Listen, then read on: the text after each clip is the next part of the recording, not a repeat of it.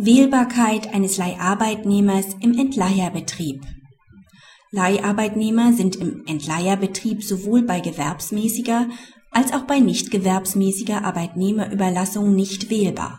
Dies ergibt sich aus dem Paragraph 14 Absatz 2 Satz 1 AÜG und den Paragraphen 8 Absatz 1 Satz 1 und 7 Satz 1 Satz 2 Beta VG.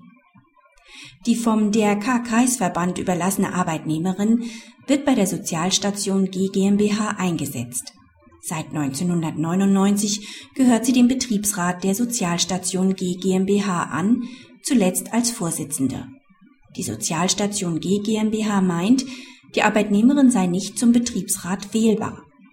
Als vom DRK Kreisverband überlassene Arbeitnehmerin habe sie kein passives Wahlrecht.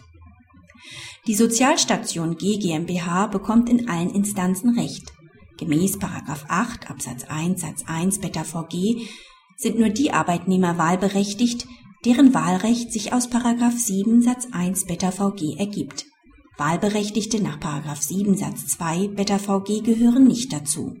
Dies ergebe sich zwar nicht zwingend aus dem Wortlaut von 8 Absatz 1 Satz 1 Beta VG, aber aus dem Gesetzeszusammenhang mit 14 Absatz 2 Satz 1 AÜG, welcher das passive Wahlrecht für Leiharbeitnehmer bei gewerbsmäßiger Arbeitnehmerüberlassung ausdrücklich ausschließt.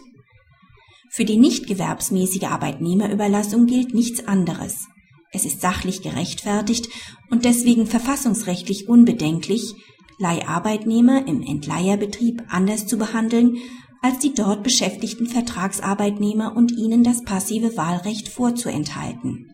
So werden Doppelmitgliedschaften in den Betriebsräten vermieden und die Kontinuität im Betrieb erhalten.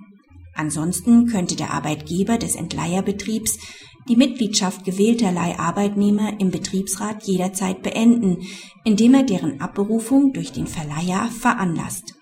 Zudem unterscheidet 7 Satz 2 Beta VG hinsichtlich des aktiven Wahlrechts nicht zwischen gewerbsmäßiger und nicht gewerbsmäßiger Arbeitnehmerüberlassung, so dass man beim passiven Wahlrecht ebenfalls nicht differenzieren sollte.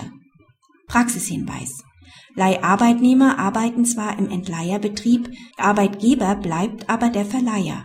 Dies gilt auch bei Betriebsratswahlen, die bei Nichtbeachtung angefochten werden können. Alternativ lässt sich die Nichtwählbarkeit des Arbeitnehmers auch nach der Anfechtungsfrist feststellen